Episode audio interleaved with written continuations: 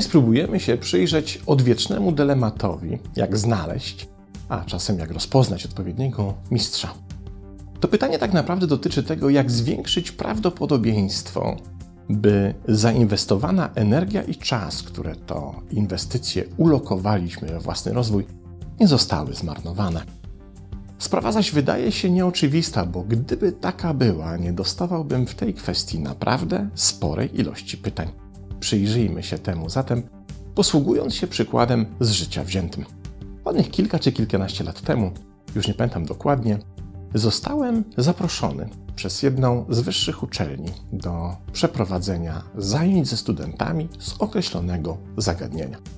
Zapakowałem się więc na motocykl, przejechałem pół kraju i grzecznie zameldowałem szefowej kierunku na dzień przed zajęciami.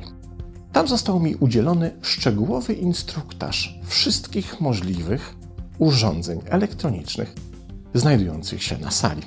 A było tego naprawdę sporo. Rozsuwane na pilota tablice, wyjeżdżające ze ścian ekrany, rzutniki pod sufitem, chyba ze cztery, system telekonferencyjny itd. Tak w końcu, jak już pokazałem, że wiem, gdzie się co włącza, przeszliśmy do omówienia wewnętrznego systemu obsługi studenta. Po zalogowaniu nauczyłem się, jak się ze studentami komunikować, jak im przesyłać materiały i w jakiej formie. I w końcu, kiedy już myślałem, że to wszystko ogarnąłem, pojawił się problem. Otóż system nie chciał mnie przepuścić dalej, bo musiałem jeszcze wgrać ekrany slajdów mojej prezentacji. Nijak nie dało się tego ominąć i w końcu musiałem poprosić o pomoc. Jakież było zdziwienie pani kierowniczki, kiedy okazało się, że problem jest nierozwiązywalny, bo ja nie miałem prezentacji. To nie tak, że w ogóle nie używam, bo czasem i owszem, ale akurat wtedy nie miałem. To z czego pan ten wykład poprowadzi? Zatroskała się pani kierowniczka. No w sumie z niczego, bo z głowy, odpowiedziałem. No to jak oni się mają nauczyć, jak nie mają z czego? Kierowniczka nie dawała za wygraną.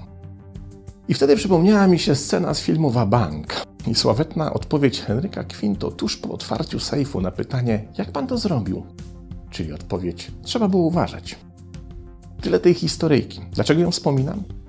Otóż ostatnimi czasy te role, kto ma uważać, zostały, zdaje się, odwrócone. Teraz spodziewamy się, że odpowiedzialność za efekt nauki jest po stronie nauczyciela, a nie ucznia. Uczeń przychodzi więc do mistrza i nie tylko mówi naucz mnie, mówi jeszcze dodatkowo podaj mi wszystko na tacy, a ja zdecyduję, czy to jest wystarczające, żebym się czegoś nauczył. I ten właśnie system edukacyjny, niczym mityczny uroboros, pożera sam siebie. Istota relacji uczeń-mistrz leży bowiem zupełnie gdzie indziej. Ale zanim do niej dojdziemy, pamiętajmy, że ta relacja jest bardzo szeroka. Przecież mamy z nią tak naprawdę do czynienia również w relacji rodzica i dziecka, starszego i młodszego brata czy siostry, majstra na budowie i czeladnika. Zresztą wymieniać można by tutaj dosyć długo. Ważne jest jedynie to, że jeśli ta relacja ma być owocna, to musi ona podlegać pewnym określonym regułom, które na szczęście są niezmienne od tysięcy lat. I tutaj dochodzimy do dylematu z początku wykładu, czyli po czym poznać prawdziwego mistrza i jak go odróżnić od tych, na których szkoda naszej energii. Otóż podstawowym wyróżnikiem jest to, że prawdziwy mistrz pozbywa się swoich uczniów. Tak, nie przejęzyczyłem się. On ich nie gromadzi, bo cała jego działalność jest zogniskowana wokół tego, by się ich pozbyć. A pozbyć się ucznia można tylko w jeden jedyny sposób. Otóż uczeń ten musi sam stać się mistrzem. Zatem z punktu widzenia mistrza największa wartość jest nie w tym, by otaczała go gromadka wiernych klakierów, ale w tym, by kolejni uczniowie odchodzili w świat, stając się większymi mistrzami niż ten, który tę drogę w nich zainicjował. Jeśli zaś mają udać się w samodzielną podróż, to w trakcie terminowania u mistrza muszą wzrastać. Jeśli stoją w miejscu, to w miejscu stoi również ich mistrz. Zatem z tego punktu widzenia mistrz, który daje swojemu uczniowi na tacy slajdy własnej prezentacji czy tłumaczeń trudnego słowa, tak naprawdę działa przeciwko tej podstawowej mistrzowskiej zasadzie docelowego pozbywania się uczniów. Uczymy się wyłącznie wówczas, kiedy pokonujemy wyzwania, a nie wówczas, kiedy nie ma czego pokonywać. Tę zasadę odkrył już parędziesiąt lat temu Csikszentmihalyi, publikując swoje badania na temat flow. Żeby móc wzrastać, musimy się mierzyć z odpowiednim balansem umiejętności i wyzwania.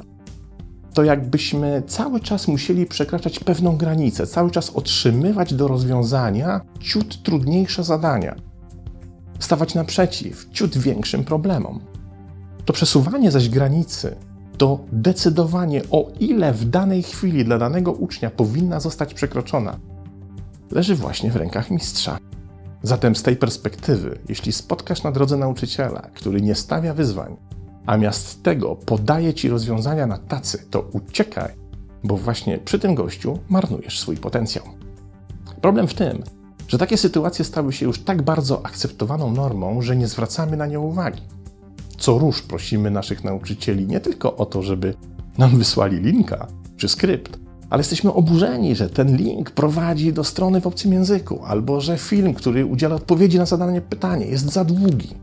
No przecież ja nie mam czasu, żeby to oglądać. Nie może mi pan tego streścić w jednym zdaniu? Albo inny przykład, który słyszałem na własne uszy. Oto pewna świeżo upieczona absolwentka pewnej uczelni mówi do mnie: Powiedział pan, że autor tej książki jest znany. Proszę pana, ja go nie znam więc na pewno nie jest znany. No cóż, przysłowiowe ręce i nogi opadywują. Istnieje jeszcze jeden wyróżnik, który możemy zastosować do selekcji potencjalnych naszych życiowych mistrzów. Jest nim zezwolenie lub też czasem prowokowanie do powstania tzw. Tak stratyfikacyjnych kręgów hierarchicznych. To sytuacja, której mistrz zaczyna być otoczony uczniami, by nie rzec wyznawcami, którzy pomiędzy sobą ustalają hierarchiczność dostępu do mistrza.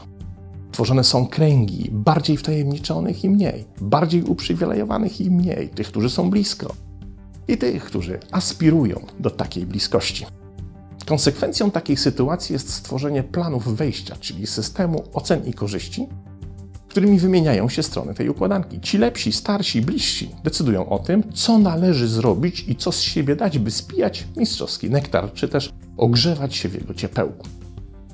Przypomina to brutalne struktury subkulturowe z pogranicza gangów. Innymi słowy, nie ma nic bardziej obrzydliwego niż taki wianuszek wtajemniczonych wokół mistrza oraz jego akceptacja tego stanu lub też udawanie, że tego nie widzi. Jeśli naprawdę nie widzi, to trzeba mu to szybko powiedzieć, żeby coś z tym zrobił. I ostatni, chociaż nie mniej ważny wyróżnik. Otóż właściwy mistrz to ten, który rozumie prostą zależność, w myśl której mistrzostwo nie jest przypisane do człowieka, ale do obszaru, którym się zajmuje. A to oznacza, że każdy mistrz może równie dobrze nauczyć się czegoś wartościowego od każdego ze swoich uczniów.